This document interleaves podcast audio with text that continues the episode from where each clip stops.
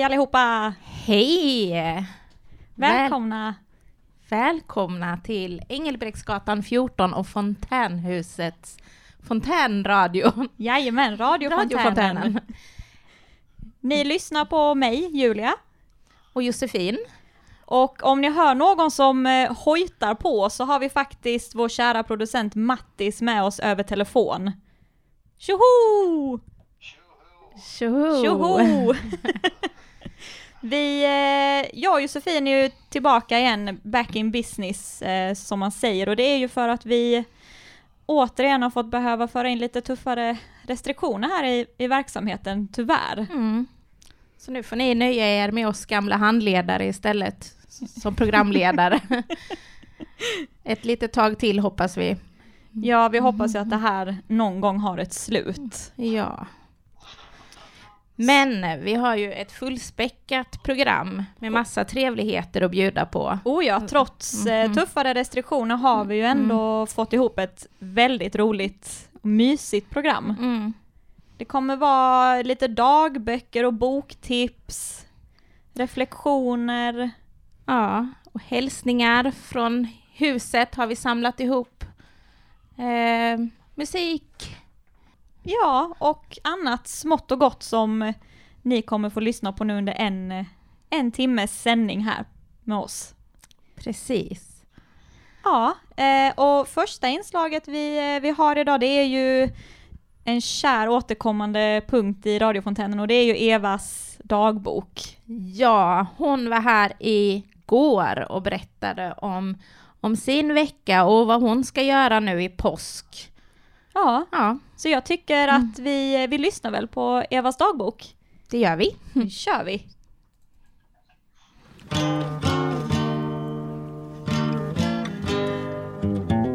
Evas dagbok.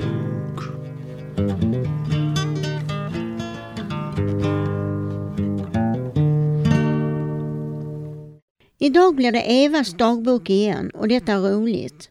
Jag tycker det är så fina program vi gör. Jag tycker vi ger varandra allesammans en bamsekram och tackar varandra för ett gott samarbete. Jag lyssnar själva på eh, varje sändning på torsdag eftermiddagen och de tycker jag är toppenbra. Sedan kommer påsken i nästa vecka och då får vi hoppas på bra väder med en lysande sol. Återkommer vid nästa sändningstid. Hälsningar till alla, till alls en.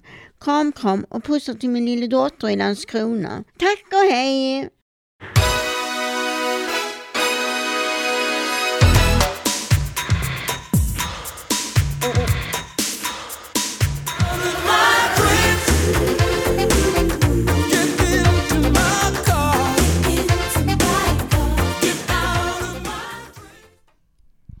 Ja, nu är vi tillbaka igen och det ni precis hörde var Get out of my dreams, get into my car med Billy Ocean och det var Leo som eh, önskade den låten.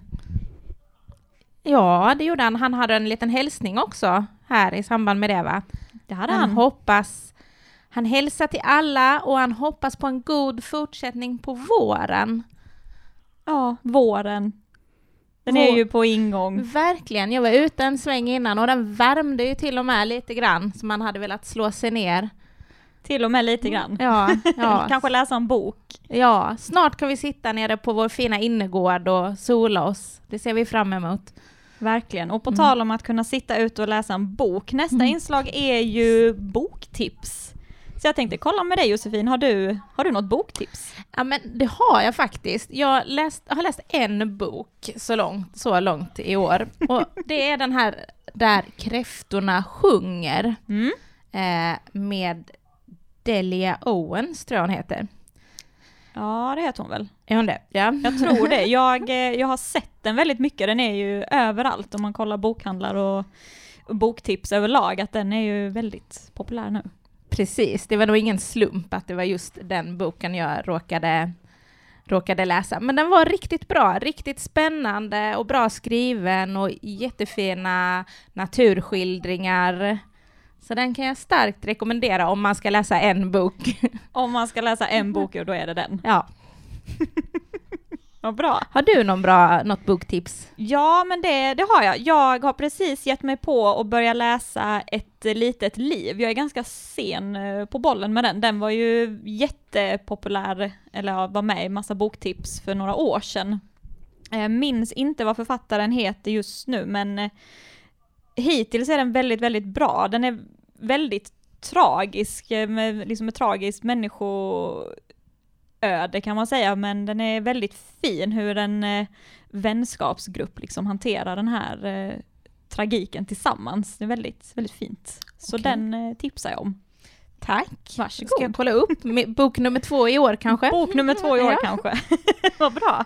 Men ska vi, ska vi ta och lyssna på vad Lars, Anki och Hasse har för boktips till oss? Det tycker jag verkligen. Då gör vi det. Här kommer Lars boktips. Lars boktips. Berömda skepp. Lars boktips. Lars boktips med berömda skepp. Där är du Lars. Nu ska vi se var du är någonstans. Jag tittar på Julia. Gör du det? Ja. Jaha. Vad, gör- vad gör Ronny för Eh, någonting? Jag klipper. Klipper du trådar? Du, vad ska man, eh, vad gör man där hemma dessa dagar? Man läser böcker och ligger och sover. Ja, okej. Har du något boktips? Ja, det är fint mycket som jag fick av Mårten. Berömda skepp som alla världens segelfartyg. Berömda segelfartyg. Okej. Kan du nämna något berömt skepp? Vasa bland annat. Ja, det är ju ganska berömt. Ja, det är väl det, det som finns kvar.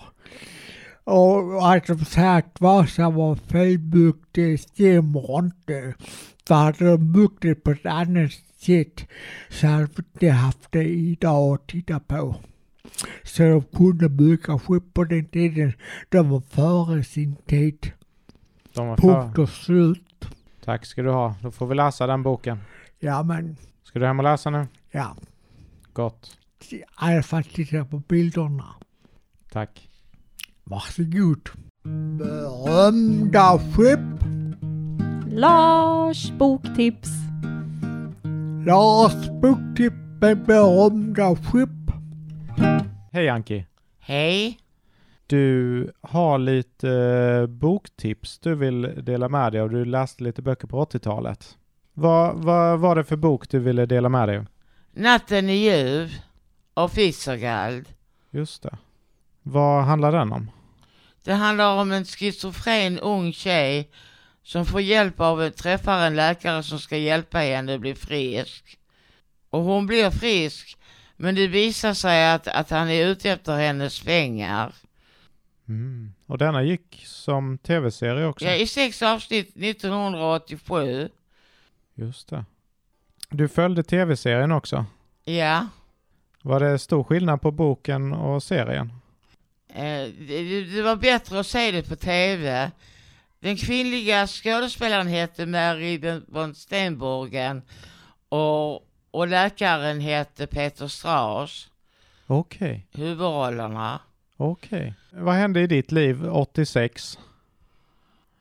Ja, jag och Susanne var, min dotter var bara sex år och, och, och, och, och jag, och jag var, var hemma för att eh, jag, hade, jag, jag, hade inget, jag hade inget jobb.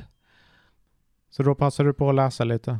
Ja, då passade jag på att vara hemma och lä- sitta i soffan och läsa. Ja. Kanske dags att börja läsa igen. Ja, jag kan göra ett försök. Då eh, delar vi med oss det där tipset. Natten är ljuv. Den har också kommit i nytryck för ett några år sedan. Så den finns att få tag i. Ja, Tack så mycket Anki. tack.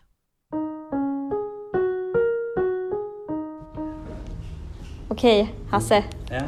Har du något boktips? Ja, boktipset som kommer från mig, eh, lille Hans, jag är äldre än sju år gammal. Mitt tips är en bok eh, som är skriven av en, jag tror han är indisk, och den handlar om, eh, den handlar om hur man eh, kan bli en, en bättre människa. Kommer du ihåg vad den heter? Nej, Tack så mycket Hasse. Tack själv. Tack så mycket Hasse, Anki och Lars för att ni delar med er av era fina boktips. Ja, Mm, tack så mm. jättemycket. Eh, och nu går vi eh, raskt vidare i eh, programmet från boktips till lite musik. Men innan dess så ska jag läsa en hälsning från Jeanette. Och hon hälsar till alla medlemmar här på Fontänhuset som sitter hemma och har det, har det jobbigt nu.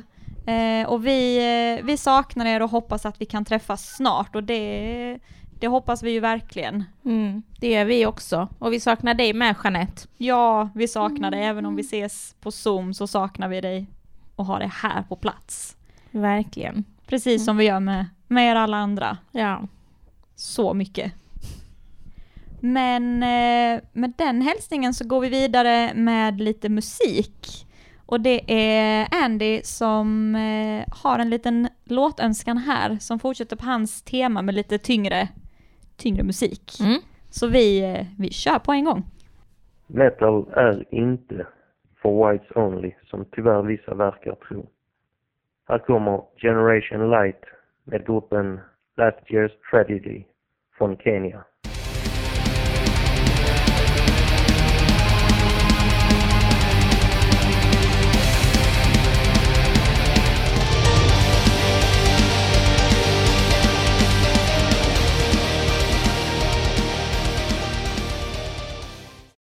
Och där var vi tillbaka igen och det vi precis hörde var Generation Light.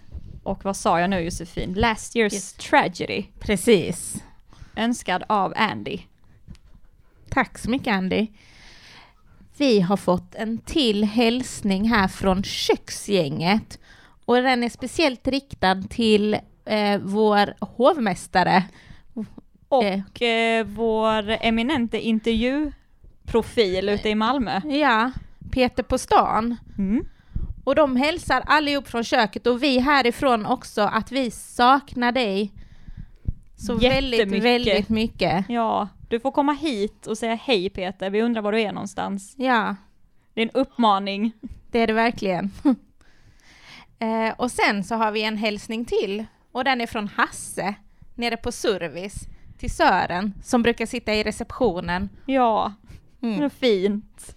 Jättefint med hälsningar. Ja, det kanske behövs lite extra hälsningar så här när inte alla får möjlighet att träffas här i huset på samma sätt. Ja, verkligen, jag håller med. Och har man en hälsning så får man jättegärna skriva till oss så tar vi såklart med det. Absolut, det är bara att höra av sig. Precis. Ha, vad har vi nu på programschemat Josefin? Är det per träff kanske? Per Träff som har gjort ett inslag om klasskamp. Mm. Jag är ju lite dåligt insatt i, i allt med klasskamp och, och den sortens av politik. Så jag tycker det är väldigt intressant att Per eh, kommer med Mm. de här inslagen för att man, man lär ju sig, eller jag åtminstone lär ju mig väldigt mycket av att få lyssna på, på dessa inslagen. Jo, ja, han har alltid väldigt intressanta analyser tycker jag av eh, samhället och politiken och så. Ja. Mm. Ja men eh, absolut. Så jag tänker väl att vi lyssnar på Per Träffs eh, reflektioner om klasskamp och ser vad vi lär oss den här gången. Det gör vi. Varsågod Per. Så här tänker jag. Vad är klasskamp? Jag ska börja med att berätta vad klasskamp inte är för mig. Det är inget blodigt och ingen revolution. Det är ett sätt att kräva sin rätt. Det är för mig en intellektuell och politisk kamp som för mig närmare ett jämlikt och solidariskt samhälle. Det svenska samhället var en gång ett mycket mer jämlikt och solidariskt samhälle än det är idag. Idag för mig så betyder begreppet klasskamp snarare att genom reformer forma samhället till ett just jämlikt och solidariskt samhälle och inte något annat. Det sker genom ett gediget och enträget politiskt arbete. En intellektuell kamp för ett samhälle där alla får plats. Ett samhälle som inte vilar på nyliberalismen utan på demokratisk socialism.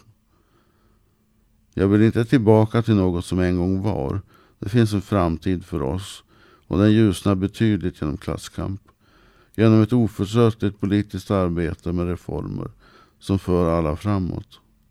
Genom att i politiska sammanhang vara inkluderande och se hur vi kan forma det samhället vi lever i och som måste förändras för att alla ska kunna ta plats. Vi behöver genom denna kamp komma fram till ett samhälle där nyliberalismen inte styr och har makt längre. Ett samhälle där vi rensar ut alla riskkapitalister och koncerner från vår offentliga sektor. Vår gemensamma sektor ska vara just gemensam och inte privatägd. Det gör vi med klasskamp. Svenskt näringsliv håller på med sin klasskamp. De vill tjäna pengar helt enkelt. De vill att kapitalet ska ha makten. För då kan de trycka till fackförbund och vänsterpolitiker så att munnen stängs på dessa människor en gång för alla. En klasskamp innebär också att vi tar tillbaka det som är vårt. Vi tar tillbaka allt som har sålts ut för att konkurrensutsättas. Vi tar tillbaka våra apotek. Vi tar tillbaka vår vård och omsorg. Vi tar tillbaka våra skolor. Allt detta gör vi med klasskamp. Det vill säga ett politiskt arbete som vi aldrig får tröttna på. Det behövs reformer på många håll för att vi ska få ett jämlikt och solidariskt samhälle. För jag tror att de allra flesta har fått nog av det nyliberalismen kan ge oss. Vi har alla sett vad nyliberalismen bär med sig och det vill ingen egentligen ha kvar tror jag. Nu har vi provat den väg vi går på just nu och jag tycker inte om det samhälle vi lever i och bor i för tillfället. Det behövs klasskamp och politisk förändring. Ja, jag heter Eric Griffiths. Here's a song heter Green Green Grass of Home by Tom Jones. The old lone town seems the same. Step down from the train. There the meat and lips like to touch. Green, green grass of home. Green, green grass of home.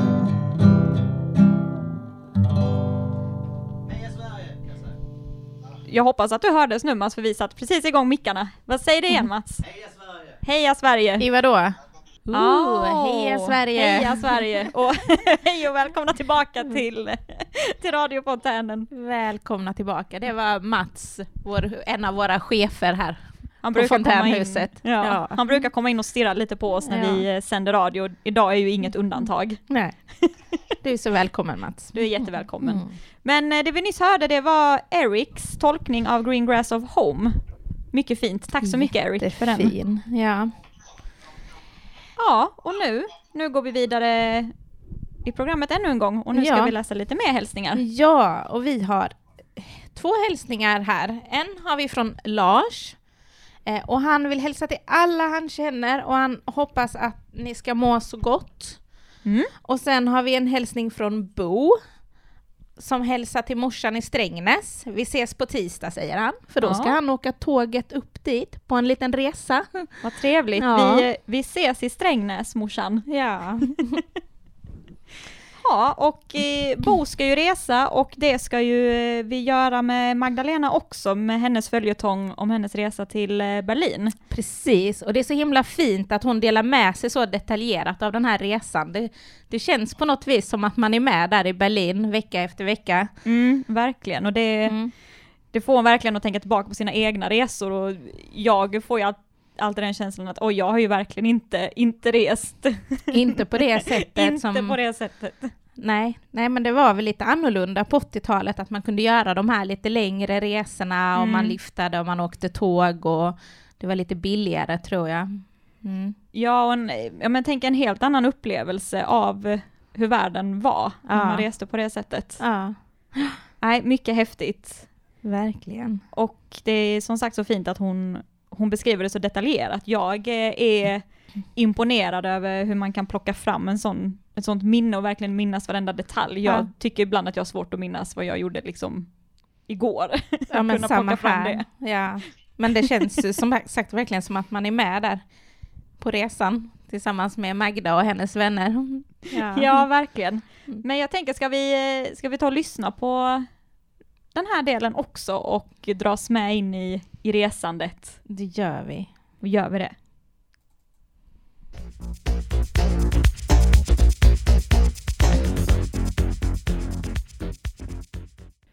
Del 11. Med blandade känslor tog vi oss över för sista gången genom tunnelbanestationen. Denna gång hade vi lämnat de få östtyska mark vi hade kvar till de vänner vi träffat på festivalen. Så vi skulle kunna undvika att åka fast denna sista gång. Nu var det dags att få en god natts sömn för nu skulle vi lämna både Öst och Västtyskland. Nu skulle vi till Holland och huvudstaden Amsterdam.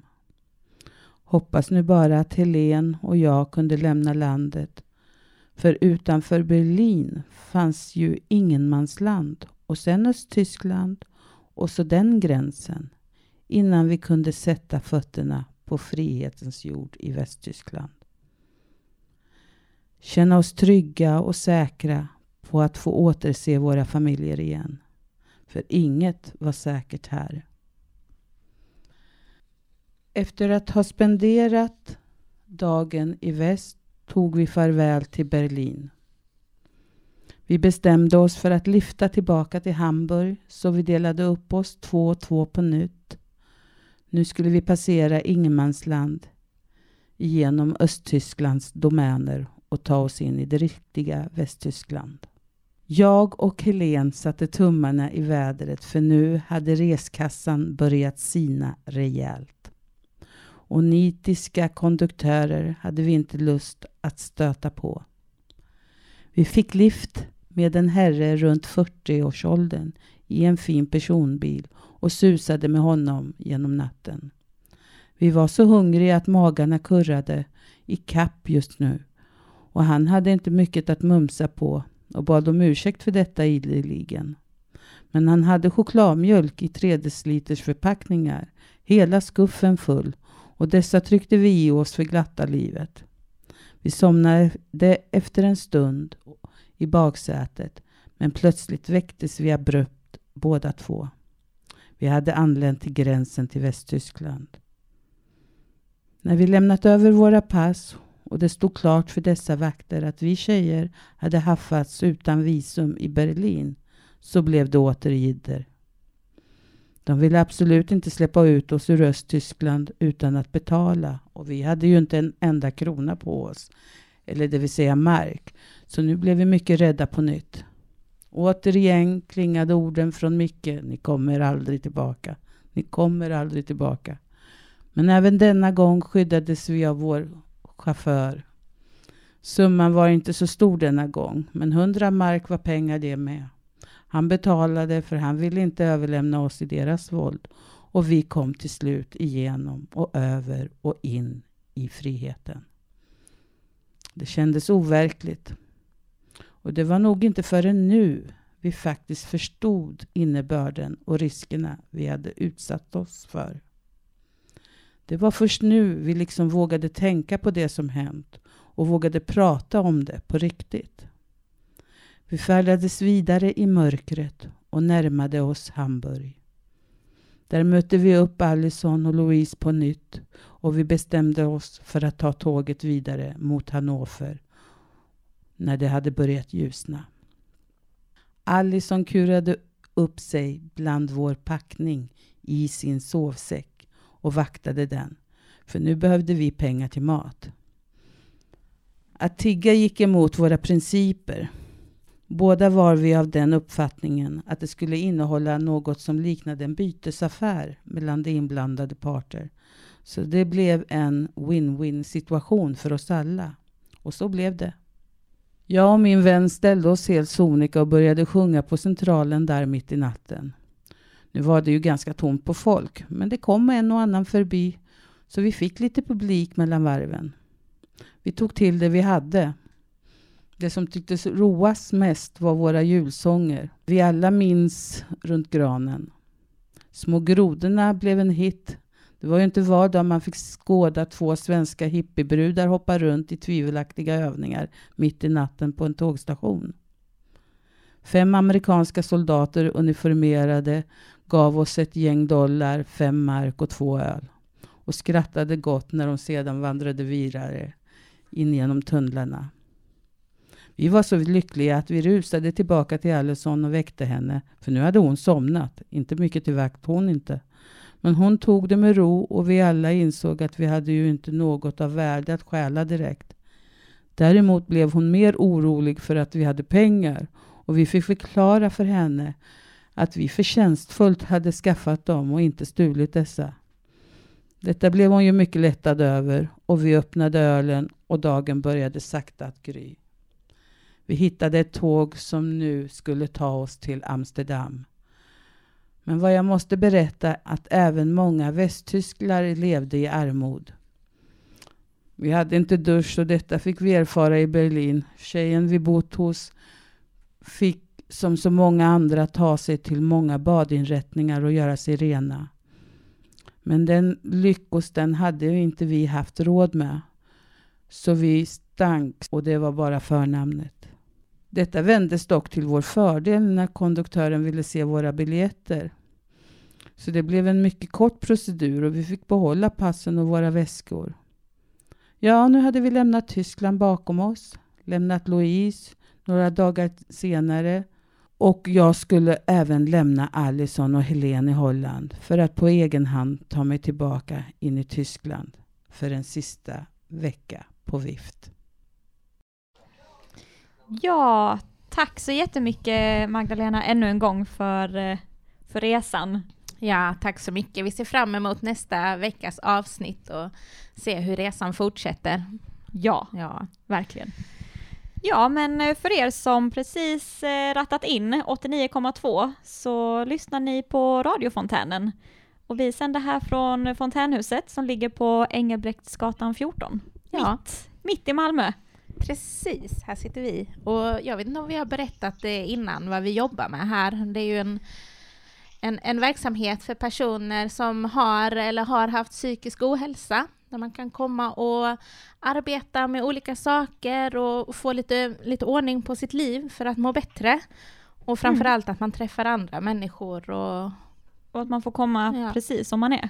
precis, Man är jättevälkommen. det är man. Ja. Och en medlem här som också har en stående punkt, det är ju eh, Angela, morsan. Morsan, ja. Morsan. Mm. Och även denna veckan så har morsan ordet. Ja. Hon ska berätta om hur det är att vara människa. Ska hon? Ska Ja, vi lyssna på när morsan har ordet?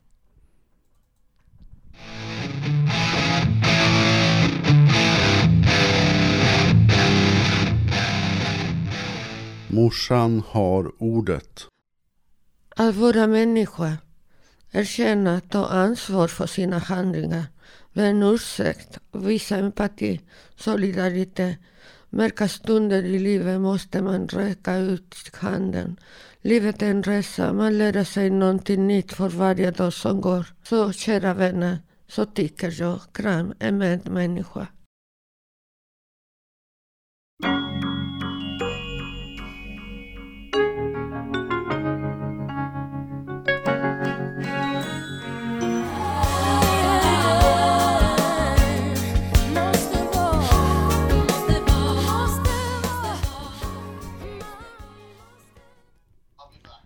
Mattis will be back, men vi är back och det vi precis hörde var Man måste vara människa med Lisa Nilsson och det var morsan Ja, Angela som tack. önskat den. Angela. Ja, tack så mycket Angela. Nu ska vi gå vidare till ett annat ämne, Det ska vi. nämligen pandemipolitik. Och det är Mm. ju eh, Karl Johans inslag vi strax kommer få lyssna här, där han resonerar Mm. kring eh, ja, men den eh, politiken som har bedrivits i, ja, lite mer än ett år nu. Precis, Och, och som har påverkat alla. verkligen i största utsträckning. Och han pratar ju mycket om vad som har gjort eller vad som borde ha gjorts. Mm, mm. Och det är absolut eh, åsikter och tankar som jag tycker slår en minst en gång om dagen. Den här frustrationen och eh, också känslan av att det här kommer, kommer aldrig ta slut. Ja, verkligen. Jag tror alla analyserar läget och funderar på hur man ska göra eller vad som man borde göra istället. Mm, ja men verkligen, och det, det är som man alltid säger, det är lätt att vara, vara efterklok och det Mm.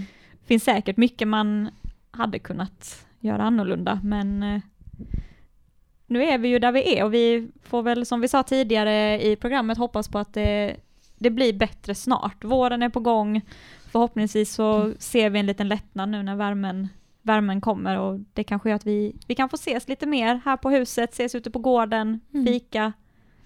Jag hoppas det. Det blir åtminstone lite lättare att träffas när man kan ses ute och inte frysa ihjäl samtidigt. Ja, ja men Ja. precis. Ut och ses i parken och ta en kaffe. Ja. Precis. Ska vi lyssna på Karl Johans inslag? Ja men det tycker jag att vi gör. Så vi lyssnar på eh, pandemipolitik politiska läget i Sverige förändrats under pandemin.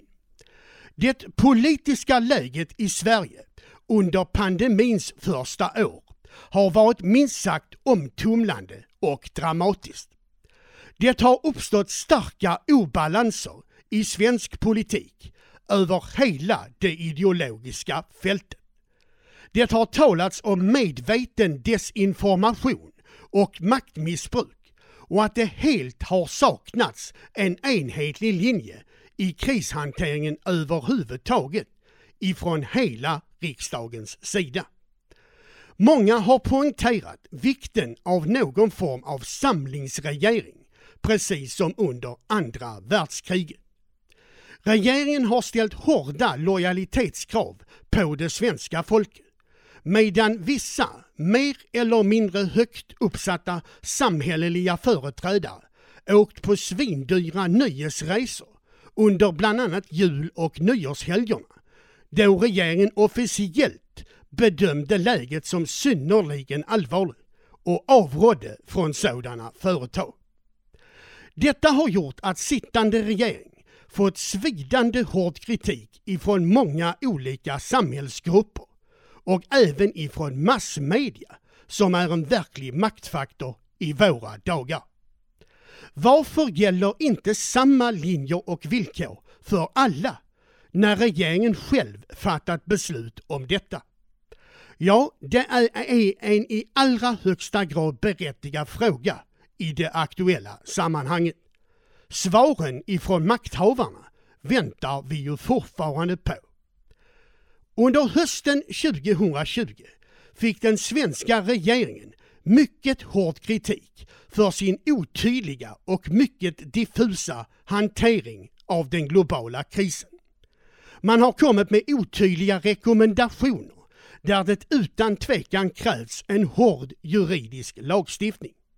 Det har slarvats med kontroller och olika viktiga statistiska uppgifter om pandemins effekter och härningar.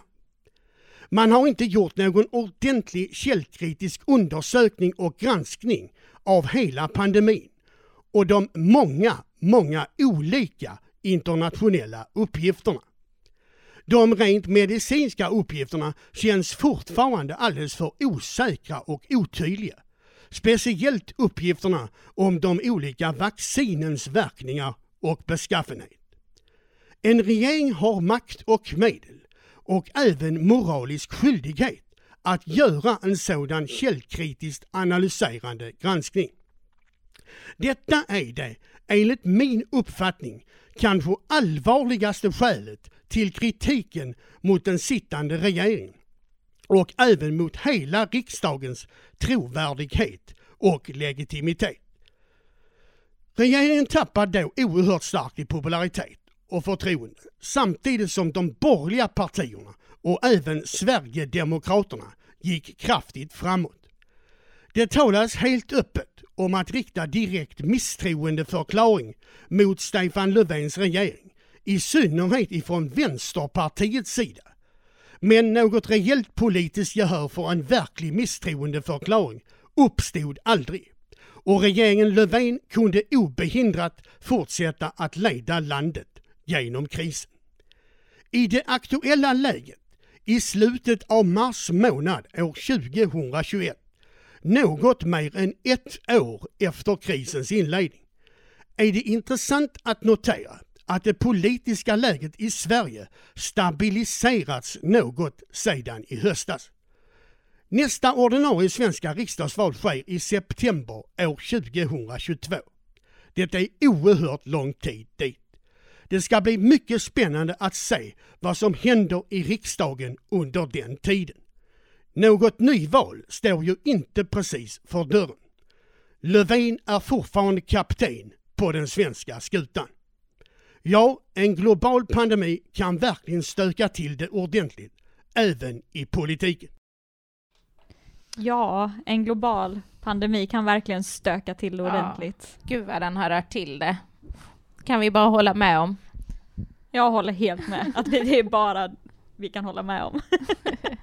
Absolut. Nu ska vi byta ämne helt och hållet. Det är tvära kast. Ja, så är det här. Eh, och vi ska strax få höra en kärleksdikt som Maria har skrivit. Det kan väl vara fint mm. att, att få lite kärlek också. Ja, verkligen. Eh, jag föreslår att vi lyssnar på den. Ja, du enkelt. tycker vi, vi ska ja, köra igång den nu vi kör igång den, så får den tala för sig själv. Ja, men det håller jag med om att, att den får göra. Jag vill vara i och nära dig. Jag vill kär i dig på riktigt. Utan dig och mig så saknar jag dig väldigt mycket. Oerhört du är inte här hos mig just nu. Jag redan nu tänker på dig. Du är min, jag älskar dig ändå.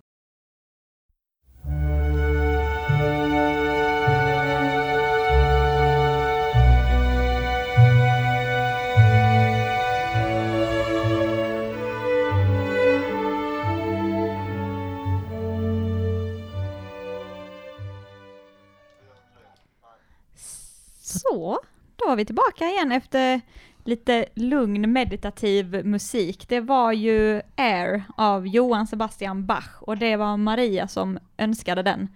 Eh, och producent Matti sa att jag skulle briljera, så Mattis nu får du säga igen vad jag skulle säga. ja men det är upplägget som är dåligt men eh, Johan Sebastian Bach som, var känd, som är känd för sitt fantastiska bruk av Johan Sebastian Bach, känd för sitt fantastiska bruk av Titolusintervallet.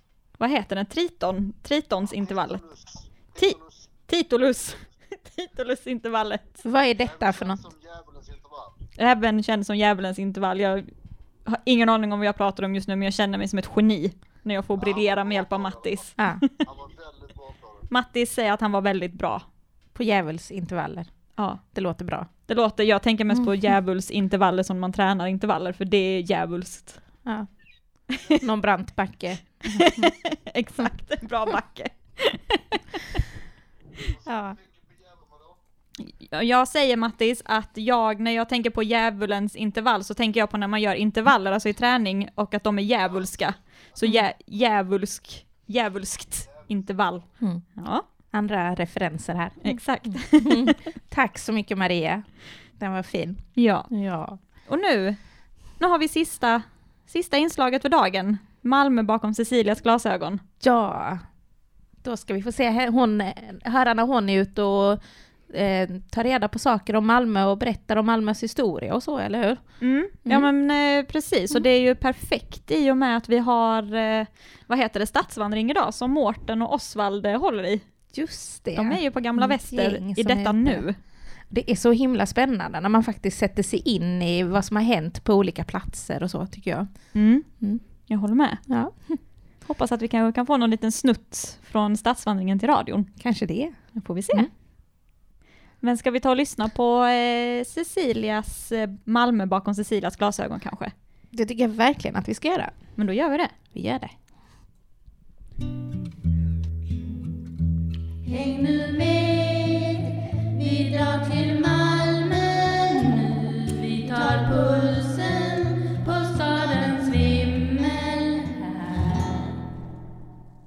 En stad, Malmö.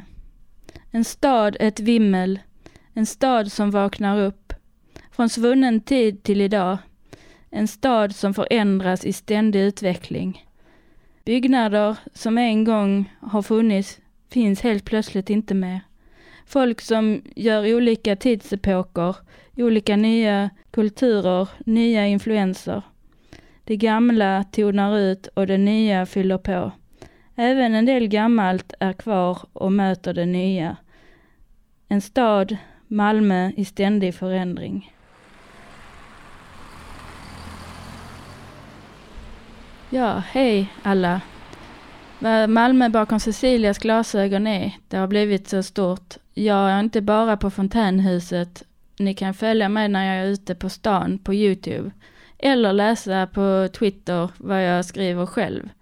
Nu ska jag prata om en egen liten skriven dikt om Himlabacken. Alla kanske inte vet vad det är. Det är en eh, backe man åkte pulka på i Slottsparken. Den fanns där när jag var barn.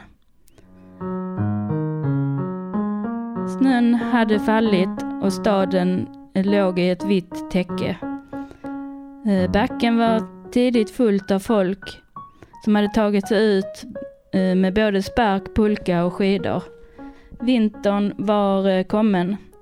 En lagom hög backe i stadens park, Slottsparken. Där har även jag swishat nerför. Folk som träffas, snackar, idrottar. En samlingsplats i vintertid. Tack för mig och ha det så gott. Hej! Tack så mycket Cecilia. Tack så mycket. Jättefin. Ja, nu, nu var det slut. Tiden går, går fort när man har roligt. Ja, den har rusat iväg verkligen. Det har den.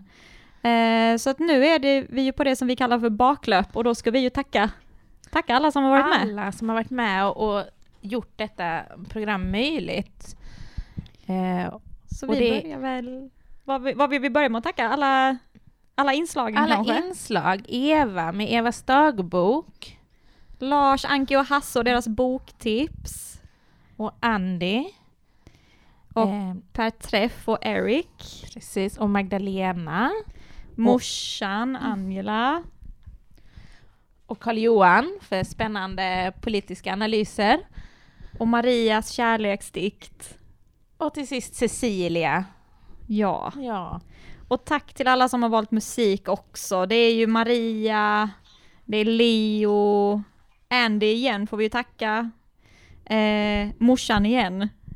Och sist men inte minst så kommer vi ju tacka Patricia för vi avslutar ju med hennes önskelåt Dan Reed Network Get to you. Ja. Så jag eh, Vi måste vill också tacka dig Josefin. Och jag vill tacka dig. Tack. Det är jättekul. ja, jättekul. Och Mattis måste vi tacka. Ja, jag vet inte. Jag vet inte hur mycket ni, ja tack Mattis, jag vet inte hur mycket ni lyssnare har hört honom, men vi har haft vår eh, fantastiska producent med oss över telefon under hela, hela sändningen och det har varit väldigt tryggt. Ja, verkligen. Tusen tack. Ja, tusen tack allihopa och vi, vi hörs nästa vecka igen med ett fullspäckat program, även det gör denna vi. gången. Det gör vi. Ha det bra allihop. Puss och kram! Puss och kram.